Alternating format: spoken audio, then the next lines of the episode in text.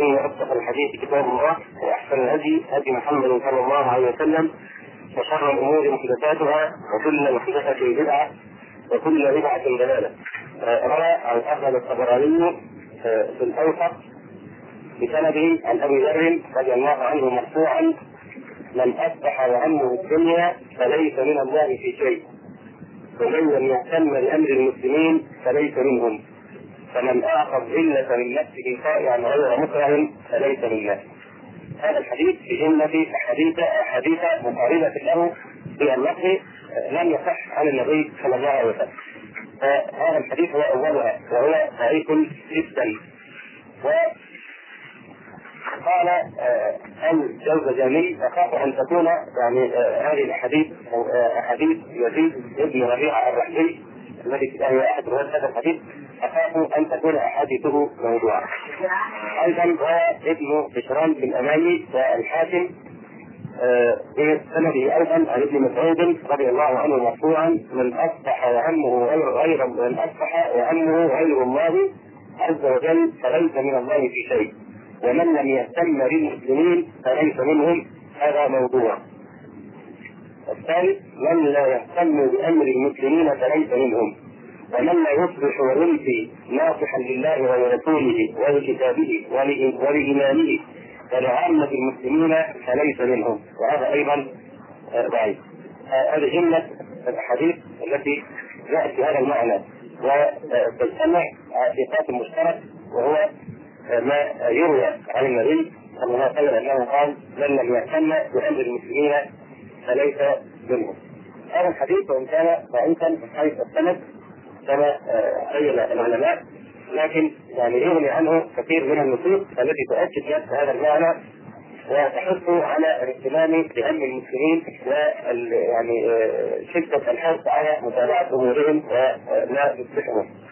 والحزن لحزنهم والفرح لفرحهم. قال عز وجل وتعاونوا على البر والتقوى ولا تعاونوا على الإثم والعدوان. وقال رسول الله صلى الله عليه وسلم المسلم اخو المسلم لا يظلمه ولا يسلمه ولا يقتله ولا يحقره. بحسب امرئ من الشر أن يحقر أخاه المسلم وقال صلى الله عليه وسلم المسلمون تتكافأ دماؤهم فيسعى بذمتهم وادلاهم إلى قوله عليه السلام في هذا الحديث وهم يد على من سواه وهم يد على من سواه نقدم يعني هذه المقدمة. ونحن اليوم الخميس. اليوم الخميس. يعني بعضكم يعني الله يكون اغلبكم يعني تقرا السنة وصام هذا اليوم أكثر من زمن قليل.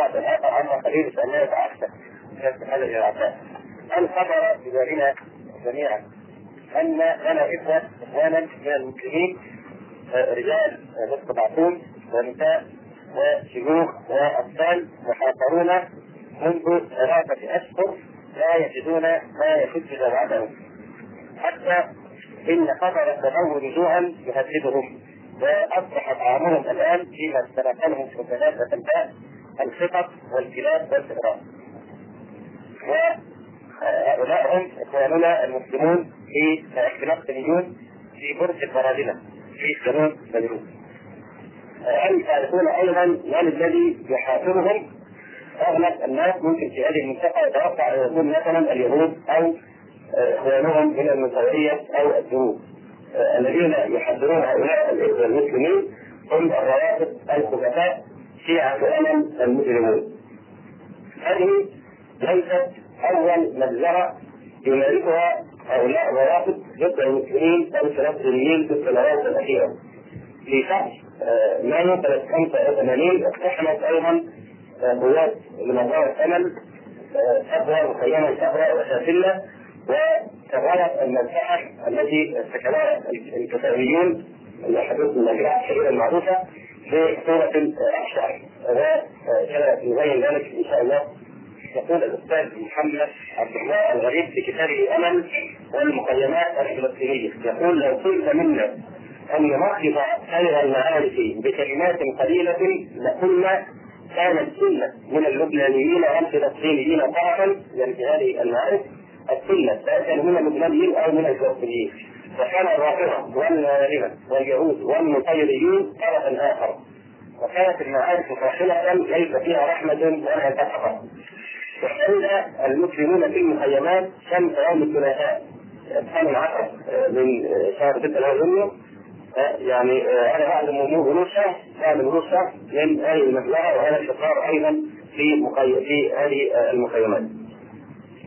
بعد أن اتالت عيونهم على اعلام المنازل التي لا يضيئها غير وليد الوفاء ولهيب الحرائق ولهيب الحرائق واعتادت انوفهم على استنشاق روائح الجثة العافيه. خرج المسلمون الفلسطينيون من المخابئ بعد شهر كامل من الخوف والرعب والجوع دفعهم لأكل القطط والكلاب. خرجوا من المخابئ ليشهدوا اقلال بيوتهم التي تركم 90% منها كما تقول بعض الإحصائيات. خرجوا من المنازل بالخسائر التالية. 300 و3000 103 بين قتيل وجريح. 15000 من المهدرين أي 40% من سكان المخيمات. اقتحمت يعني قوات حركه امل هذه المخيمات الفلسطينية فارتكبت فيها أبشع المجازر. كلام كثير كثير ويقول لأن وراءنا اليوم كلام كثير يعني هذه التفصيل شوية. الحقيقة من القضايا يعني شنيعه لدرجه إن اللي حصل اخر شيء حصل اليوم والامس إن حتى يعني الأمر استمر بعض الهيئات العالمية حتى غير الإسلامية. مثل حتى منظمه التاريخ الاحمر مثلا. فاختلف بين المعونات والاغذيه وحصلت وهنا حتى الآن يمنع هؤلاء الشيعة الروافض إدخال الطعام للفلسطينيين داخل برج البرامج حتى يموتوا جوعا. يعني لم بعض الأشياء تنقل من المسألة السابقة فهناك صحيفة ريبو كليكا الإيطالية أن فلسطينيا من المعاصرين فلسطين الأول لم يكن يستطيع السير منذ سنوات رفع يديه مستغيثا في شاتلة أمام عناصر ألم خالدا الرحمة وكان الرد عليه قتله في المسدسات. وقالت الصحيفة في تعليقها على الحادث إلا الجماعة بعينها وقال مراد صحيفة ساندي تليجراف في بيروت أن عددا من الفلسطينيين قتلوا في مستشفيات بيروت وأن مجموعة من الجثث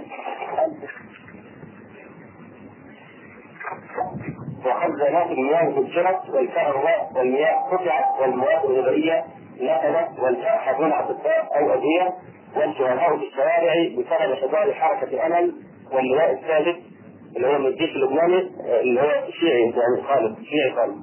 فاللواء السادس والثامن ومن يساعدهم يعني في هذا. واكد البيان أن ما يجري في المخيمات حاليا لم يحدث له مثيل حتى أثناء الاجتياح الإسرائيلي لا لذنب ارتكبه الشعب الفلسطيني في الدفاع عن نفسه وعن حقه في الوجود. شاهد بعض المراسلين بعض النسوة اللواتي خرجن من مخيم صبرا وشاكلة أمام مبنى مستشفى عسكر على الطريق العام لمدخل صبرا الجنوبي. وقالت إحداهن اتفاق على الشباب. متسائلة هذه المعارك المفتعلة لصالح من؟ وقالت ثانية نحن لسنا أعداء عدونا المشترك هذا حكم لأنه لامرأة مسكينة عدونا المشترك واحد وهو إسرائيل وهدفنا تحرير أرضنا في في ديارنا. آه وكان عزيز الرقاص ودوي التجارات القنابل يتردد في وسط بيروت بينما كانت النسبة الفلسطينيات المنكوبات ينتحبن وهن يبحثن عن احبابهن الذين سقطوا ضحايا لحركه امل واللواء الثالث في صف طويل من الجثث. أربعة وأربعة وثمانون جثة متعسلة منتفخة تنغيها الديدان تفقد في نفس الأحوال الشهداء السافلة لكي تلحق بجثث أولئك الذين سقطوا شهداء بأيد تختلف في المسميات وتتفق مع أيدي أمل اللواء الثالث في الاسم والجريمة. تصيح طويلة فلسطينية وهي تتفحص حتى الجثث الطويل اليهود أكثر منهم. وأخرى تغطي بعضا من وجهها فتبحث في قافلة الشهداء عن دقيقها تستدير فجأة وتصرخ إنه هو لكن الجبال تنزل فيه سبيله فتسقط على الأرض مغشيا عليها أمام القتلة من جنود اللواء السادس وأفراد أمل فيراقبون ولا يتكلمون وبعضهم يشارك في الدفن القاتل يدفن القتيل. جثة وجثة يرفع فيها الذباب من تحت الأرضية الشفافة الملفوفة بها 84 جثة الدفعة الأولى من ضحايا مخيم ساتلة الذي نتفت أمل على من فيه أخرجها الصليب الأحمر الدولي وعرضت التعرف وعرضت التعرف عليها قبل دفنها في قبر واحد. فتاة لم تتجاوز العشرين من عمرها تنتحب وتصيح مشيرة إلى جثة منتفخة. ملفوفة في بطانية خشنة ترتفع الدماء هذا أخي وتشير إلى جثة أخرى. كذلك أخي الثاني ثم تشير إلى واحد من مسلحي أمل وتقول هم فعلوها. أصغر الصحابة طفل لم يمهله الموت سوى بضعة شهور من حياة الفلسطيني جثته الصغيرة الصغيرة تكاد لا ترى من القماش الأبيض المتسق الذي يدخل فيه. فتمشي فترة مثله من جسد هكذا يقول الصليب الأحمر. يقول أحد المقاتلين الفلسطينيين كان لدينا نخزون من الطعام ومن الأرز والمعلبات؟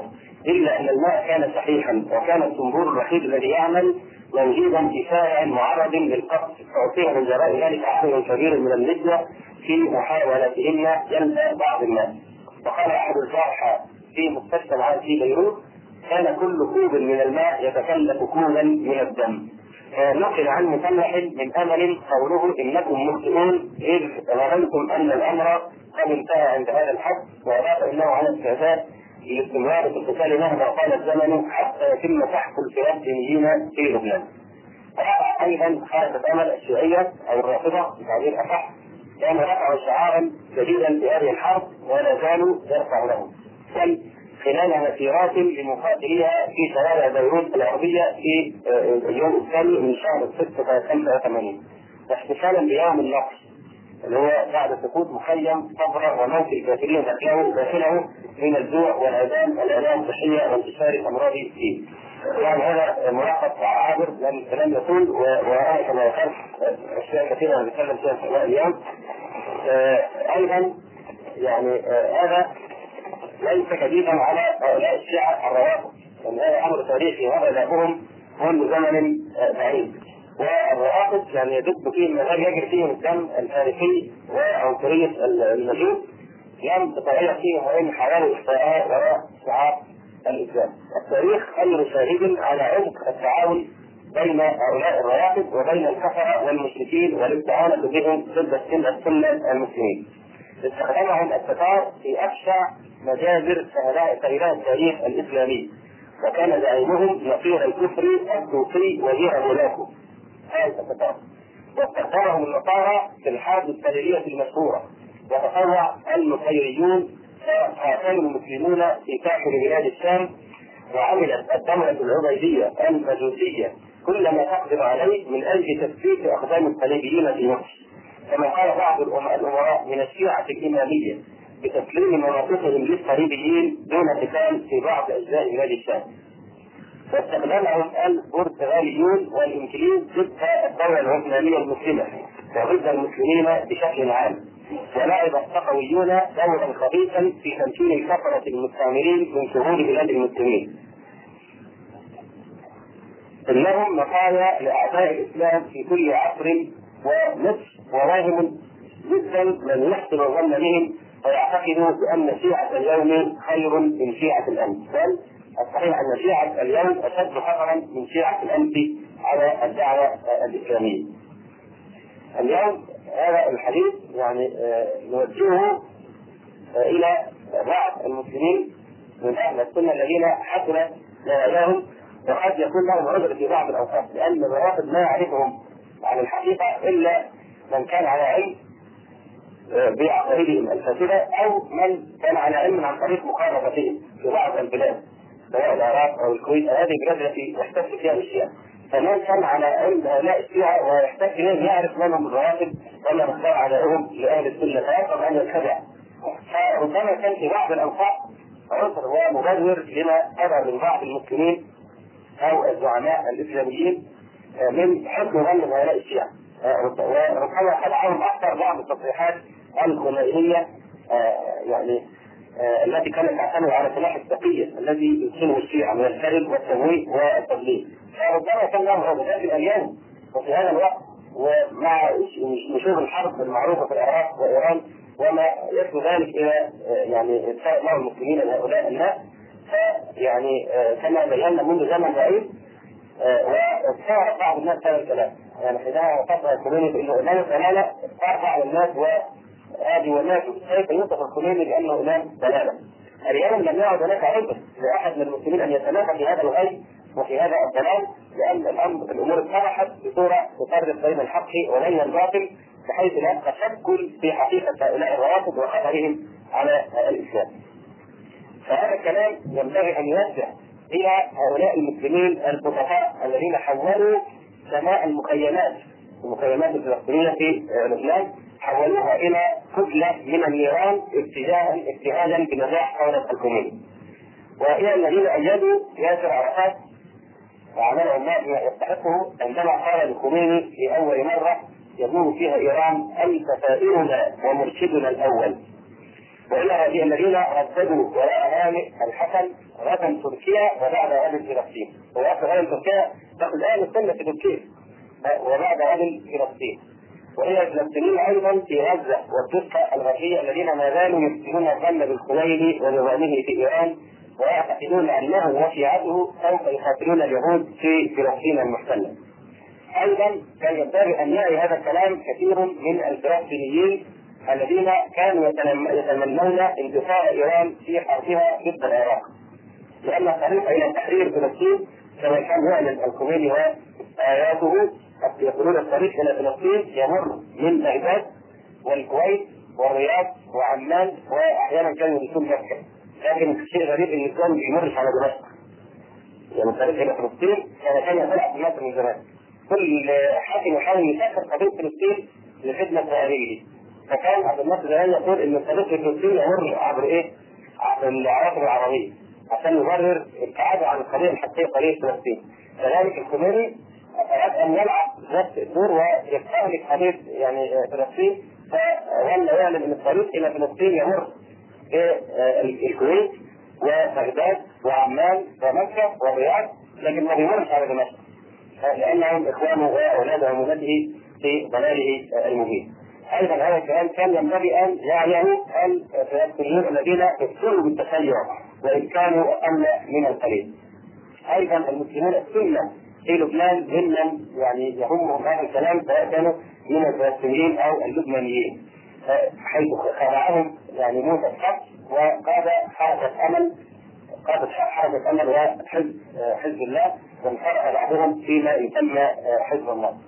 أيضا ممكن نوجه هذا الكلام إلى يعني فضيلة سيف الازهر الذي وقع في حسن الظن أيضا بهؤلاء المجرمين فقال يوما من الأيام الإمام الخميني اخ في الإسلام ومسلم صادق وقال أيضا إن المسلمين باختلاف مذاهبهم إخوة في الإسلام. والخميني يقف تحت لواء الإسلام كما أقف أنا. نقولها أيضا لبعض المشاهير من الدعاء مثل مثلا الأستاذ حسن الثوراني حينما صار صار بعد نجاح الثورة في إيران إلى الخميني ويعني يبايعه على إمامة المسلمين. نقول للأستاذ مثلا يوسف العبد لما قال قصيدة الشهيرة حينما دعا فيها إلى مبايعة الخميني فقال في نهايه القصيده هو من من دعاة السنة. من من دعاة الدين المفروض الأستاذ يوسف العبد وله يعني فضائل كثيرة. ومع ذلك يقول يعني مفرحا في حسن الظن بهؤلاء يقول بالخميني زعيما وإمام هب فرح الظل لا يخشى الحلال قد منحناه شاحا ووسام من دمانا ونهينا للأمان. نهزم الشرك ونجتاح الظلام. ليعود الكون نورا وسلام بالخميني زعيما واماما. فهذا ما كان بعض حياة المسلمين الذين انخدعوا بضلال هذا الرجل. بالنسبة ل منظمه الألم التي وقع الجناح العسكري للحركه التي اسسها موسى الصدر. موسى الصدر إيراني المولد والجنسيه، موسى الصدر ليس كما يظن بعض الناس أنه لبناني. متحدث إيراني المولد والجنسية من مواليد 1928 تخرج من جامعة طهران كلية الحقوق والاقتصاد والسياسة ووصل لبنان سنة 1958 نزل خلفا على آل الدين في مدينة سور. آه يقول عنه الدكتور موسى الموسوي وهو من سادة إيران. يقول في عام 58 أرسل الجنرال اختيار مدير الأمن العام الإيراني موسى الصدر إلى لبنان وزوجه بالابناء اللازمه وبعد عشر سنوات من ذلك التاريخ أصبح هذا الشخص رئيسا للمجلس الشيعي الأعلى. صرفت الحكومة الإيرانية لتوليته هذا المنصب أكثر من مليون ليرة لبنانيه ومنحه فؤاد شهاب الجنسية بموجب مسؤول جمهوري مع أنه إيراني ابنه إيراني. أنشأ في بداية السبعينات انشا متصدر حركة تسمى حركة المحرومين. حركة المحرومين. يعني زي ما بنقول دايما الشيعة عندهم زيادة إيه؟ التقية والبندقية. التقية والبندقية. التقية أحيانا في وقتها والبندقية طبعا في وقت اخر. فالتقيه أحيانا يظهرون شعارات عامة مرات تخدع من لا يعني من ليس على خيرة لطيفة بهم. انشا متصدر حركة تسمى حركة المحرومين وضع لها شعارات براقه إنها حركه يعني تقوم على الإيمان بالله والحرية والثبات اللبناني والعداله الاجتماعية والوطنية وتحرير فلسطين وأن الحركة خاصة ليست خاصة بالشيعة ولكنها حركة لجميع المحرومين من أي الطوائف. هذا الرجل المسمى موسى الحق أنشأ جناحا عسكريا لحركة المحرومين هذا الجناح سماه امل فوظائف أنا من الجناح العسكري لحركه المحرومين التي أنشأها موسى الصدر. حركه متصدر على أن يكون هذا الجناح العسكري سريا بل كان يتظاهر أنه ضد التسلح وعندما بدات الحرب اللبنانية كانت يعني منظمه لها يعني بعض الأدوار في منظمه الصحيح كان يتعامل معها في بداية امره. لأن المعركه خاضها جيش لبنان المسمى جيش لبنان العربي والقوات اللبنانية والفلسطينية إلا وجدوا ظهورهم مكشوفة أمام الشيعة.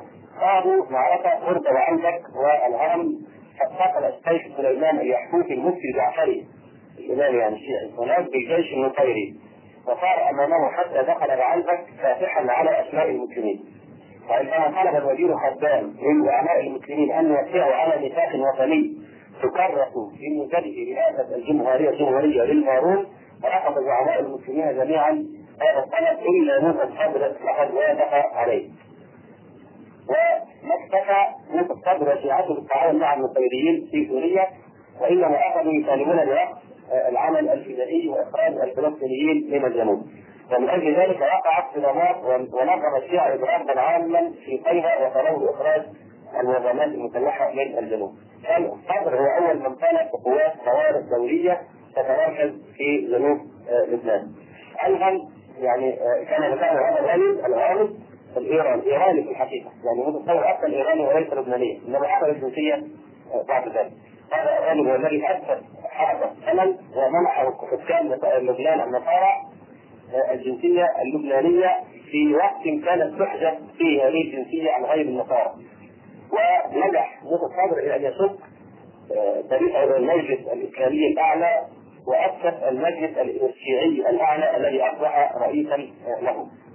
وكانت في بداية تاريخ الزعماء النصارى من اللبنانيين الشهاديين ثم تحالف مع منظمة التحرير الفلسطينية ورفع شعار تحرير فلسطين وقدمت له منظمة مقابل ذلك المال والسلاح. يعني منظمة التحرير هي التي امسته في بداية أمره بالمال والسلاح وقامت بتدريب عناصر امل عند بداية تأسيسها. وتنكر الصدر لوعوده وعهوده عندما وقع الصدام بين النظام النصيري من جهة ومنظمة التحرير الفلسطينية والقوات اللبنانية الوطنية من جهة أخرى. هذه الأسباب ربما كانت وراء قتله ما يشاع من أن صديقه القذافي احتجزه أو قتله ومعه يعني رجلين اخران. يزعم آل الخميني وآل الصبري أنهم من آل بيت رسول الله صلى الله عليه وسلم. فهناك وجوه أخرى للقرابة بين موسى الصقر وبين الخميني. فابن الخميني أحمد متزوج من بنت أخت موسى الصقر. وابن أخت الصدر مرتضى الطباطبائي متزوج من حفيدة الخميني. ونائب رئيس وزراء إيران اللي هو الدكتور صادق الطباطبائي هو ابن شقيقة الصدر. وعاش معه مدة طويلة في لبنان.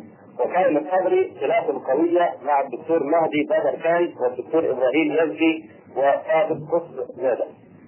والدكتور مصطفى العمران وزير الدفاع الإيراني من أكبر أعوان موسى الصدر الصدر كان مديرا لمدرسة في سور أنشأها الصدر وكان يتولى الإشراف على فروع منظمة القمل العسكرية قبل نشوء الثورة الإيرانية. يعني المقصود أن هناك ارتباط كامل بين الشيعة في إيران وبين حركه امل. أما بالنسبة لحزب الله اللي هي منظمتين في لبنان منظمة حزب الله ومنظمة امل فهي أشهر الحركات الموالية لإيران في لبنان. حزب الله وحركة امل آه، التي زعمها نبيل بري. أبرز زعماء هذه الحركات كما ذكرنا نبيل بري زعيم حركه امل ومحمد فتحي فضل الله وغيرهما.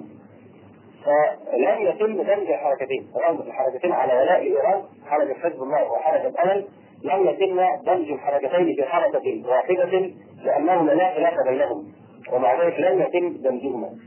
فيبدو يعني كما يقول الأستاذ محمد اغاريب يبدو أن حزب الله اعد ليكون فخا لأهل السنة من اللبنانيين والفلسطينيين.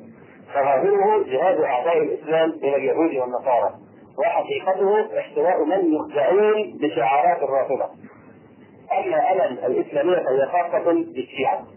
يعني منظمه امل معلنه تمنى منظمه شيعيه وكل من فيها من الشيعة من الروافض. أما حزب الله فهو الفخ الذي يقتدون به يعني السفل والبسطاء من المسلمين الذين يقعون في هو التشيع وحول عقائد الرافضه. دعوه تحرير توحيد المسلمين وعدم انشقاقهم وتفريق صفوفهم كل هذه الدعاوى المعقوله التي يتبناها حزب حزب الله في لبنان لاحتواء السفل والبسطاء والمخدوعين من السنيين. من قادة هاتين الحركتين أنهم دعاة إلى حركة إسلامية عالمية يتبعها إمامهم الخميني في طهران ولا يهمهم لبنان إلا من خلال اهتماماتهم الإسلامية ككل. بالنسبة للعلاقة بين أمل وإيران الثانيين ذكرنا هم الذين أنشأوا حركة أمل وكان من ابرزهم موسى الصدر تلميذ الخميني وصهره والدكتور مصطفى زمران وزير دفاع نظام الخميني الذي أهلكه الله بحادث سقوط الطائرة. والدكتور طارق السباقلائي هو نائب رئيس وزراء الخميني. ابن أخت موسى الصدر وفهر الخميني. وقادة امل كلهم من تلامذة الصدر فأخذ يعني نخص منهم بذكر نبي هنري وحسين الحسيني وحسين الموسوي. نعم. فكل منهم يستمد شرعيته من أحوال الصدر وافعاله.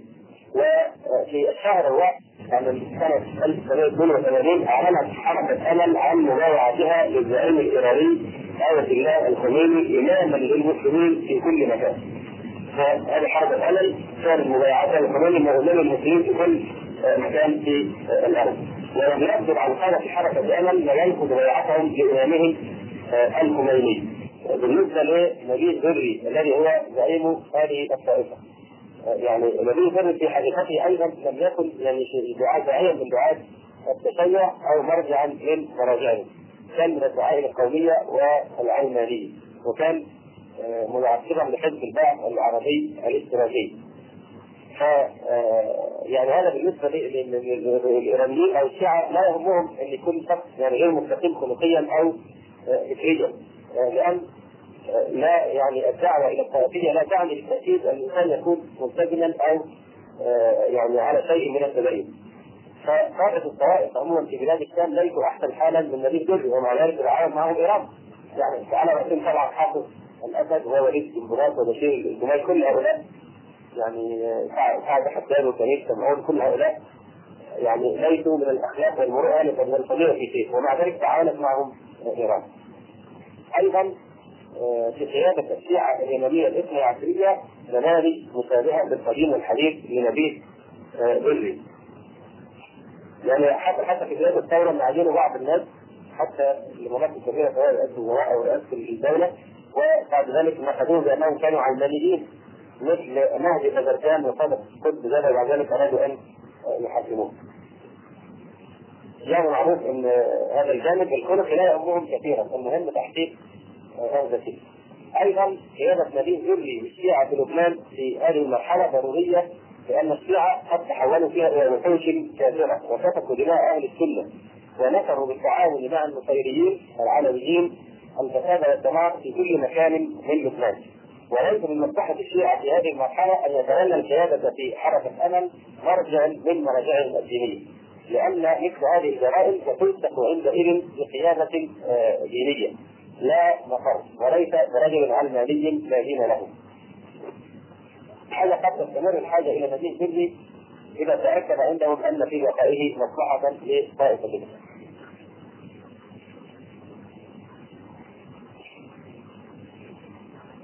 لا مثلا أي الشيعه في أي وقت يستطيعون أن يصيحوا بنبيل بر لأن القاعده العريضه في حركة امل من الشيعة الكمله. هذا فيما يتعلق ببعض المعلومات عن نبيل بري. أما بالنسبة للتعاون اليهود فيعني قامت أدلة كثيرة على وقوع هذا التضامن والتعاون بين اليهود وبين الروابط. قالت رسالة هايدر في تقرير لها من النظرية ب 1 7 82 إن القوات الصهيونية التي احتلت البلدة سمحت لمنظمة أمل بأن تحتفظ بالميليشيات الخمسة التابعة لها وبحمل جميع ما لديها من أسلحة. وصرح أحد قائد ميليشيا منظمة أمل ويدعى حسن مصطفى أن هذه الأسلحة ستستخدم في الدفاع عنا ضد الفلسطينيين. وذكرت صحيفة ريبوبليكا الإيطالية أن فلسطينيا من المعوقين لم يكن يستطيع السير منذ سنوات. رفع يديه مستغيثا في فاتله امام عناصر الامل قائلا الرحمة. وكان الرد عليه قتله في المسدسات مثل الكلاب وقالت الصحيفه انها الشراعه بعينها. تصيح سيدة تصيح سيدة فلسطينية وهي تتفحص الجثث يعني الصبور الجثث الطويل اليهود أفضل منهم اليهود أفضل منهم. كما ذكرنا أيضا فزالت تجاوز العشرين من عمرها. تنتحب وتصيح مشيرة إلى جثة منتفخة ملفوفة في بطانية ختمة ختمة توثقها الدماء تقول هذا أخي. وتشير إلى جثة أخرى. وذلك أخي الثاني. ثم تشير إلى واحد من مسلحي أمل وتقول هم فعلوها. أصغر الضحايا طفل لم يمعده الموت سوى بضعة شهور. نسخته الصغيرة الطارئة تكاد لا ترى من القماش الأبيض المتسخ الذي لفت فيه. طبعا هذا نقلناه آنفا عن الصليب الأحمر ذكرنا أيضا الشعار الجديد الذي اتخذه هؤلاء الروافض لا إله إلا الله العرب أعداء الله وهذا شعار ردده متظاهرون من حركة امل في 2 6 85 احتفالا بيوم النصر بعد سقوط مخيم صفراء وموت الكثيرين داخله من الجوع. ونشر مجلة الإيكونوميست في عرضها السابق في نهايه الشهر السابع من عام 82 أن 2000 2000 مقاتل من عناصر منظمه امل الشيعيه انضمت إلى قوات ميليشيا بعد حداد. طبعا اهلكهم الله ولله الحمد في السرطان. وتوقعت المجله أن ينضم عدد الأكبر منهم الحرس الوطني الذي ترعاه إسرائيل في جنوب لبنان. وقالت صحيفة جيروزاليم بوست اللي هي في إسرائيل صحيفة يهودية. في اعلانات صدر تاريخ 23 5 85 إنه لا ينبغي تجاهل تلاقي مصالح أمل وإسرائيل والتي تكون على أساس الرغبة المشتركة في الحفاظ على منطقة جنوب لبنان وجعلها منطقة آمنة آمنة خالية من أي هجمات ضد إسرائيل. إن إسرائيل ترددت حتى الآن في تسليم أمل مهمة الحفاظ على الأمن والقانون على الحدود بين فلسطين ولبنان وإن الوقت حان لأن تعهد إسرائيل إلى أمل بهذه المهمة في سنة 85 وقال وزير الاقتصاد الإسرائيلي بين ريفر إن هدف إسرائيل دائم هو إزالة المخيمات الفلسطينية نهائيا من الوجود فنحن نريد أن يغادر جميع اللاجئين لبنان وتزوي لهم في المجتمعات العربية التي سيذهبون إليها. وفي 25 5 85 دعت صحيفه البعث السوريه الرسمية إلى القضاء على جماعة عرفات نهائيا في المخيمات.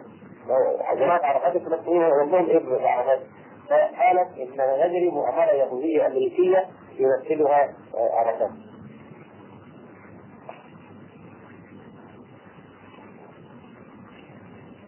بالنسبة لعلاقه الثورة الإيرانية بمنظمة التحرير من المعروف أن يبدو عرفات يعني يعني يعني إيه صديق الجميع يعني ما بيحاولش يزعل حد فكان ياسر عرفات أول من جاء طهران مهنئا أول واحد فقط إلى طهران يهنئ الخميني وراح يوزع قبلته المشهوره على وجوه ثوره الثورة.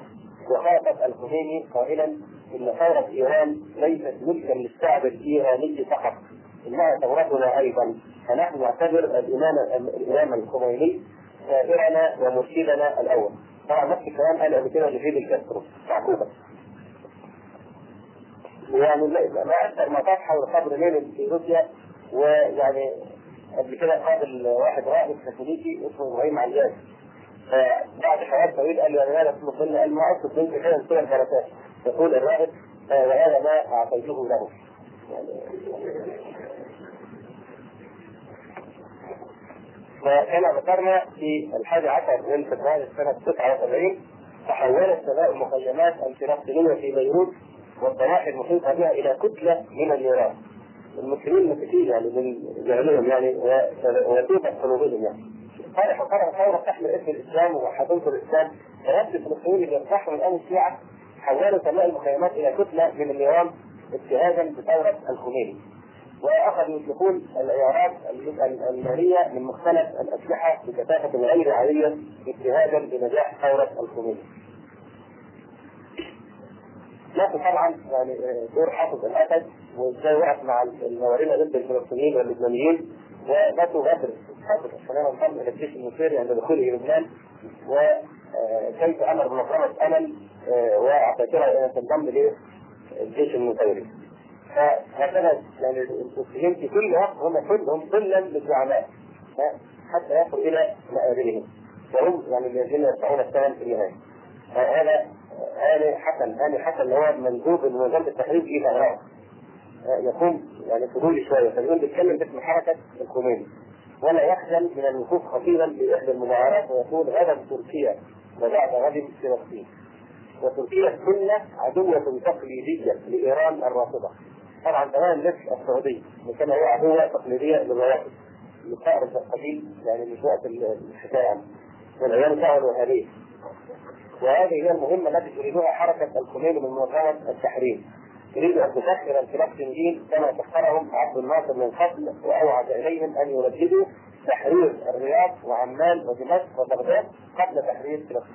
يعني عموما يعني كما بينا أيضا إن نفس الكلام بيردده الخميني الآن إن الطريق إلى القدس هو يستحل هذا قضية فلسطين. ويعني نحن نتعاون مع إيه مع إسرائيل وأمريكا وباسلوب السلاح وصريحه يعني لها بالدنيا يعني. فهو يعني ياخذ الأسلحة وتمد إسرائيل بذلك وامريكا واتفاقات سرية ولا يستهديها استحياء ويقول لها بمحاربه فلسطين. بس الطريق للقدس يمر عبر إيه؟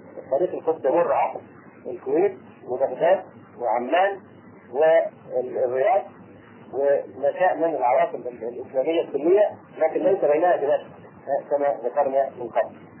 الذين ما زالوا يحسنون الظن بالشيعه عليهم ان يعني يرجعوا إلى عقولهم ويجددوا النظر في سيرة اجداد الخميني وامثاله. سيرتهم من قديم التاريخ وعلاقتهم وأعدائهم وتامرهم على أهل السنة والابوا فعليهم أيضا أن يستعدوا للدفاع عن أنفسهم ضد الخميني. بالنسبة لقضية أخرى لها علاقة من قريب أو بعيد بما نحن بسببه وهي ما يتعلق بالحرب بين العراق وبين إيران. الحرب بين العراق وبين إيران معروف أن العراق كانت في طبيعه الدول التي اعترفت بنظام الخميني. رئيس العراق صدام حسين استقبل أحد الأيات كسفير جديد لإيران في العراق. خلاصة الكلام من الناحية الرسمية العراق هي التي أعلنت الحرب على إيران الناحية العملية بدأت إيران هذه الحرب عندما حركت عملائها داخل العراق بعد وصول الخميني إلى حكم بقليل وقام النظام الإيراني في اعتداءات متكررة على المخاطر العراقية. فلابد أن نفرق بين العراق كشعب والعراق كنظام أو كحكم. أما العراق كنظام فإنه من الواجب الحتمي ومن الفرائض الأساسية على كل مسلم أن يتقرب إلى الله سبحانه وتعالى في كرهه وبغضه. نظام في العالم الإسلامي أطرح بالدعاء إلى الله من أهل السنة بعد نظام الأسد المسيري كنظام صدام التكريمي. ومشيل عبد الأخلاق الذي هو مؤسس حزب البعث العربي الاشتراكي يتخذ من بغداد مقرا له هذا من أحق الشخصيات الصليبية التي حاربت الإسلام والمسلمين في العصر الحديث. اما العراق كشعب وكارض تشكل دائما هذه الحروب التي لا تكون تحت لا إله إلا الله ولا تكون في سبيل الله دائما يستغل كلام المسلم أن يكون هو الوقود لا فقط مجرد نصيحه ومجرد وقود. لكن العراق كشباب مسلم مثلا المسلمين وكأمة من أمة المسلمين هي قوة لا يستهان بها وطالما يعني شارك العراقيون في الجهاد ضد اليهود. لكن نقول يعني ماذا يعني سقوط العراق؟ إيه معنى سقوط العراق أمام الخميني؟ لا شك أن من فضل الله سبحانه وتعالى وتوفيقه صمود العراق طوال هذه المدة أمام هذا الإجتياح الرافضي. سقوط العراق يعني اجتياحا باطنيا مجوسيا لدول الخليج وبلاد الشام يعيد الاذهان ذكريات الاجتياح القرمطي والعبيدي.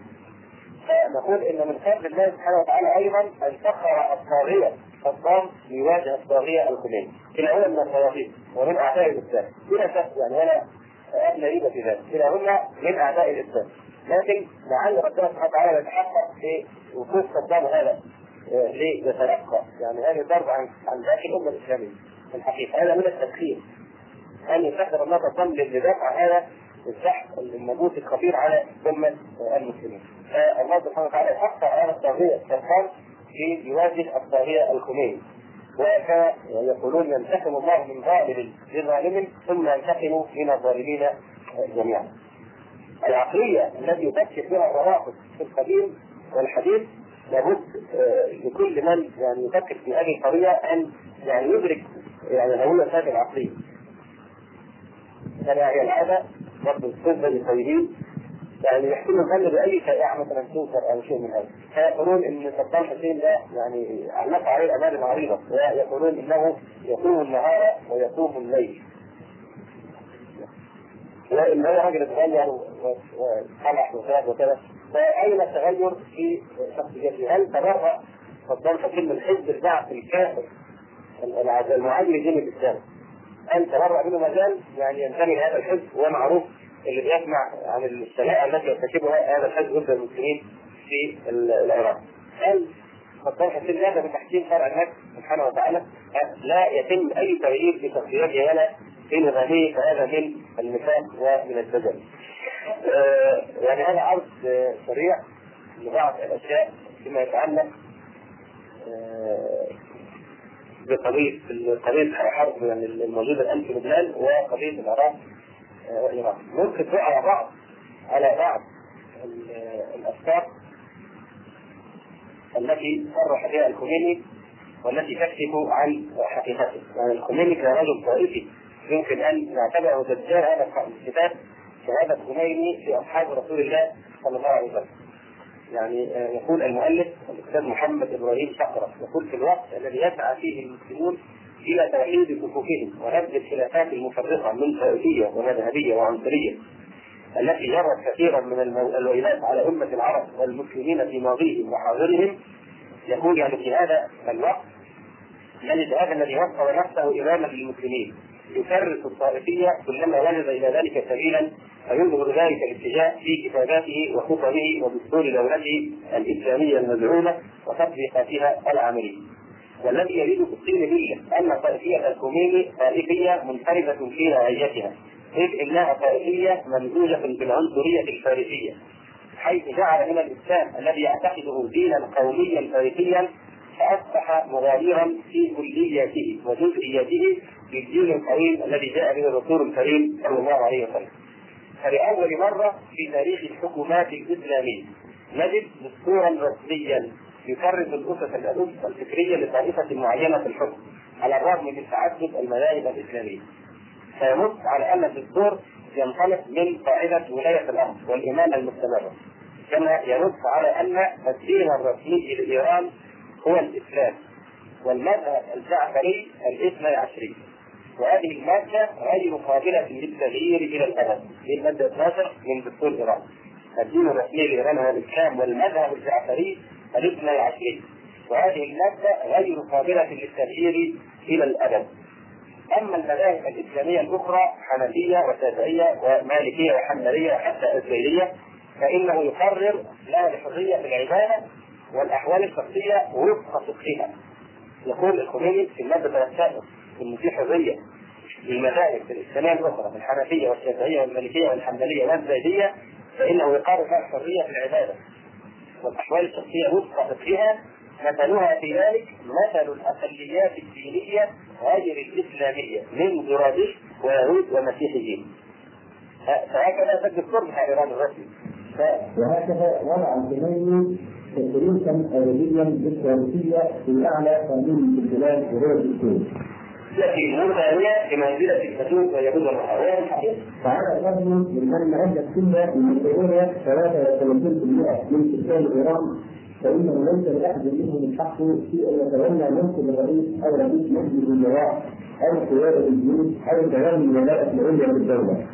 يكون اليوم طهران التي يسكنها سبعة ملايين نسمة موجودة بها مسجد واحد من أهل السنة والرغم من أنها تدل على مرأة من الحكومة الإيرانية في لم يهدها اثنى عشر معبدا للنصارى وأربعة معابدا لليهود وعددا من معابد المجوس عبدة النار. والمسلمين انه ممنوع حتى الآن إقامة مسجد واحد لأهل السنة. فاكيد يعني.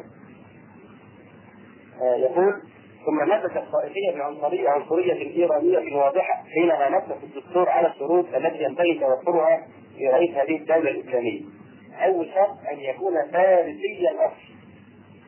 أن يكون فارسي أو حتى مش فرنسي، أن يكون فارسي الأصل ويحمل الجنسية الإيرانية مؤمنا ومعتقدا بمبادئ الجمهورية الإسلامية والمذهب الرسمي للدولة. يعني هذا كلام يعني ينبغي أن يعلمه هؤلاء الذين لا يزالون يعاندون ويتكبرون عن رجال الحق. وبالذات هذه المجلة يعني القائلة لله ورسوله مجله المختار الإسلامي.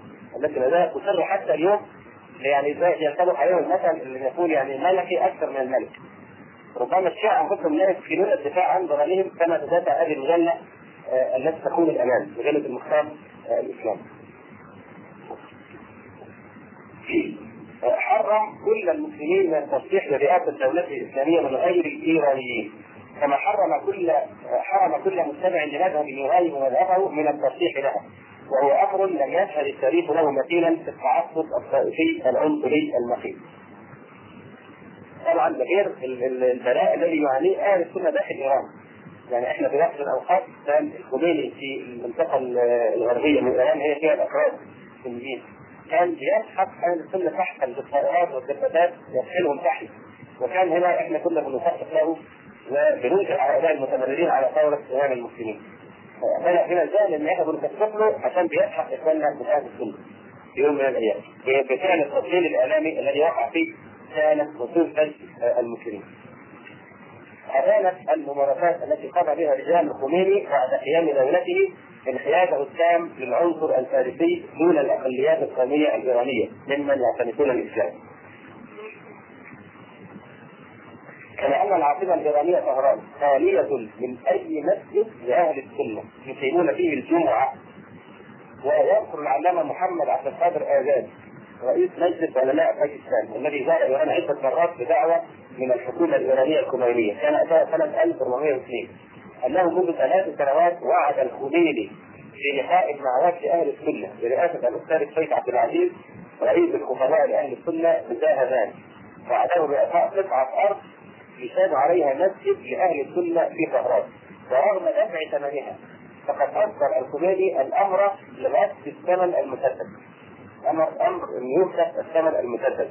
والسجن لمن سدد هذا الثمن. ويقول أيضا رغم مطالبة الخميني في العام الماضي بإنجاز وعده لأهل السنة فوجئت في المؤتمر الذي حضرته هذا العام 1402 أن قال لي بعض أنصاره لو أعطينا قطعة الأرض ليقام عليها مسجد لأهل السنة فإنه يصبح مسجدا ضرارا. الخميني لم ينطلق هذا المنطلق من عدد فإن تراث الفقهي المتمثل في كتابته سواء العقائد أو الفقه أو السياسة يشير من غير نفس إلى أنه التجسيد الكامل لكل النوازع والأهواء والبدع التي اعتنقتها طوائف الغلاء والزنادقه وجعلت منها دستورا لحياتها. في لقاء الله في 21 6 سنة 82 أكد خميني أن أتباعه هم وحدهم الفرقة الناجية وأن جميع المسلمين الآخرين في النار وانه يعتقد أن دين مخالفيه ناقص لم يكتمل يقول في رسالته كتاب له يسمى التعادل والترجيح صفحه 26 يقول والذي يمكن أن يقال إن على اختلاف الأحكام بين العامة والخاصة آه، واختلافها واختفائها عن العامة وتأخير خصوصيات كثيرة منها أن رسول الله صلى الله عليه وسلم وإن بلغ جميع الأحكام الكلية على الأمة لكن لم تكن دواعي الفقه في صدر الشريعة وأول هذه الاسلام طويل. يعني هو الرسول بلغ لكن الصحابة كذبوا وبدلوا. ثبت أن الصحابه في نظره لم يكن لديهم استعداد لحفظ الأحكام الإسلامية لأنهم لا صحبوا النبي صلى الله عليه وسلم إلا من أجل الدنيا. ولأن هذا العلم مقصور على الأئمة، الأئمة ال 12 عنده يقول إنهم يعني يبلغون مقاما مقررا لا يبلغه ملك مقرب ولا النبي المرسل. عندهم الأئمة ال 12 فوق الأنبياء. وفوق الرسل. يقول ومنها من هذه الأسباب أن الأئمة عليهم السلام لامتيازهم الذاتي من سائر الناس في فهم الكتاب والسنة بعد امتيازهم منهم في سائر الكلمات فهموا جميع التشريعات المتشرعه على الأصول التي شرعها رسول الله صلى الله عليه وسلم. يقول إن غير الأئمة محرومون بحسب نصرانهم عن هذا العلم الكثير النافع. أيضا الكوروني يوجد مخالفه أهل السنة في كل شيء حتى الأخبار. بحيث إن مقياس صحه الخبر عندهم مش عدالة الرواية. هو مخالفته لخبر أهل السنة. هذه من اوجه الترجيح عند الخميني أن الحديث أو الأثر إذا اتى موافقا لاهل السنة يرد يبقى ضعيف. إذا الحديث اتى مخالفا لاهل السنة فإنه هذا من أسباب الترجيح عنده والأخذ به. أيضا يقول في كتاب كتابه السعاده والترجيح صفحة 80 إلى 81 يقول في حالة الأخبار الواردة في مخالفة العامة العامة عندهم هم أهل السنة. يقول ما ورد في الخبرين المتعارضين وثانيتهن ما يظهر منها بدون مخالفتهم وترك الخبر الموافق له مطلقا.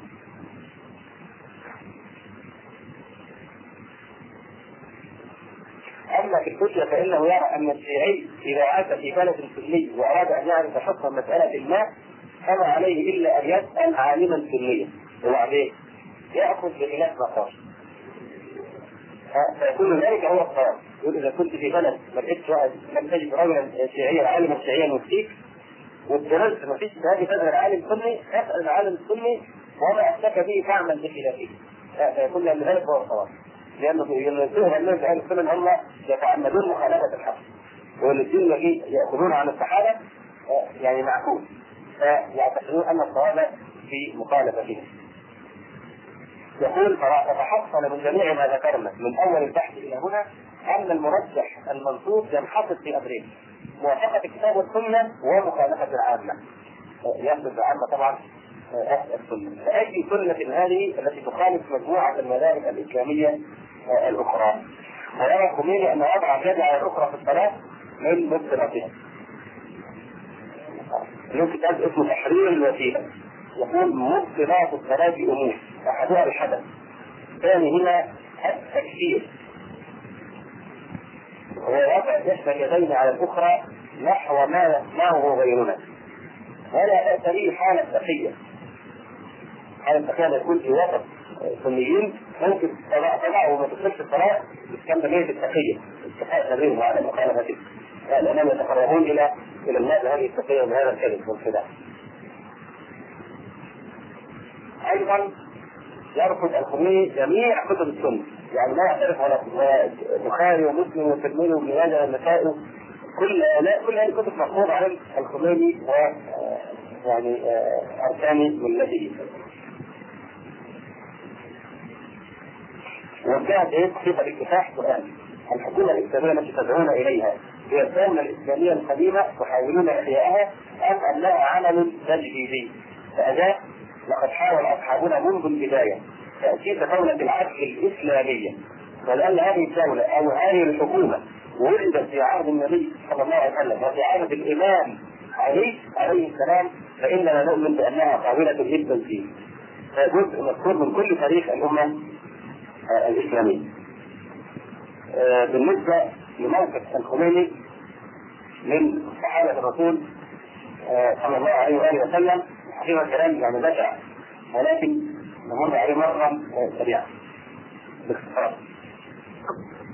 قال الحادي أبو زرعة إذا رأيت الرجل ينتقد أحدا من أصحاب رسول الله صلى الله عليه وسلم فاعلم أنه زنديق لأن الرسول صلى الله عليه وسلم عندنا حق والقرآن حق وإنما أدى إلينا هذا القرآن والسنن أصحاب رسول الله صلى الله عليه وسلم ورضي الله عنهم. فإنما يريدون أن يظهروا فيه لنا يمثلوا الكتاب والسنة والجرح بهم أولى وهم جنازة التفاؤل في مسألة من الصحابة وعدم على عدالتهم رضي الله عنهم يعني الفعل في الكتاب والسنة. لأن ما أدى إلينا إنما أدى إلينا هذا الكتاب؟ وهذه السنة من الذي نقله؟ الصحابة الطعن في الصحابة يساوي الطعن في الكتاب وفي السنة. الخديوي يكفر الخلفاء الراشدين. ابا بكر وعمر وعثمان. لذلك إحنا بنقول للجماعه المختار الإسلامي المصلين اللي ما زالوا عاملين بالحق وأمثالهم ضمن علامات الشاكلتين من من كان يحب الخميني فليدعو الله أن يحشره معه. إذا كان يعني يموت على نفس الضلال الذي هو عليه. اللي بيحب الخميني يدعو ربنا أن يحشره معه يوم القيامة إذا مات على ضلاله. ففي كتابه كشف الاسرار كشف الاسرار سلم الخميني في فصلين كفر فيهما أبا بكر وعمر رضي الله عنهما لمخالفتهما في زعمه نصوص القرآن الكريم. أول هذين الفصلين بعنوان مخالفة أبي بكر لنصوص القرآن. ثاني فصل بعنوان مخالفة عمر لكتاب الله. يعني آه يغطي طبعا هذا الخطب والمكس باعوار محبه أهل البيت والتشيع بأهل البيت. يقول أخزاه الله يقول وهنا نجد أنفسنا مضطرين على إرادة شواهد من مخالفتهما الصريحة للقرآن لنثبت أنهما كانا يخالفان ذلك وأنه كان هناك من يؤيدهما فيسوق الدجال البارق وأن أن أبا بكر قد كان في زعمه كتاب الله قصة الأنس المعروفة ويذكر آيات ووضع حديث إن معشر الأنبياء بنونا لا تركناهم صدقة. أخزاه الله. يقول أيضا نريد هنا مخالفات عمر في الفصل الثاني.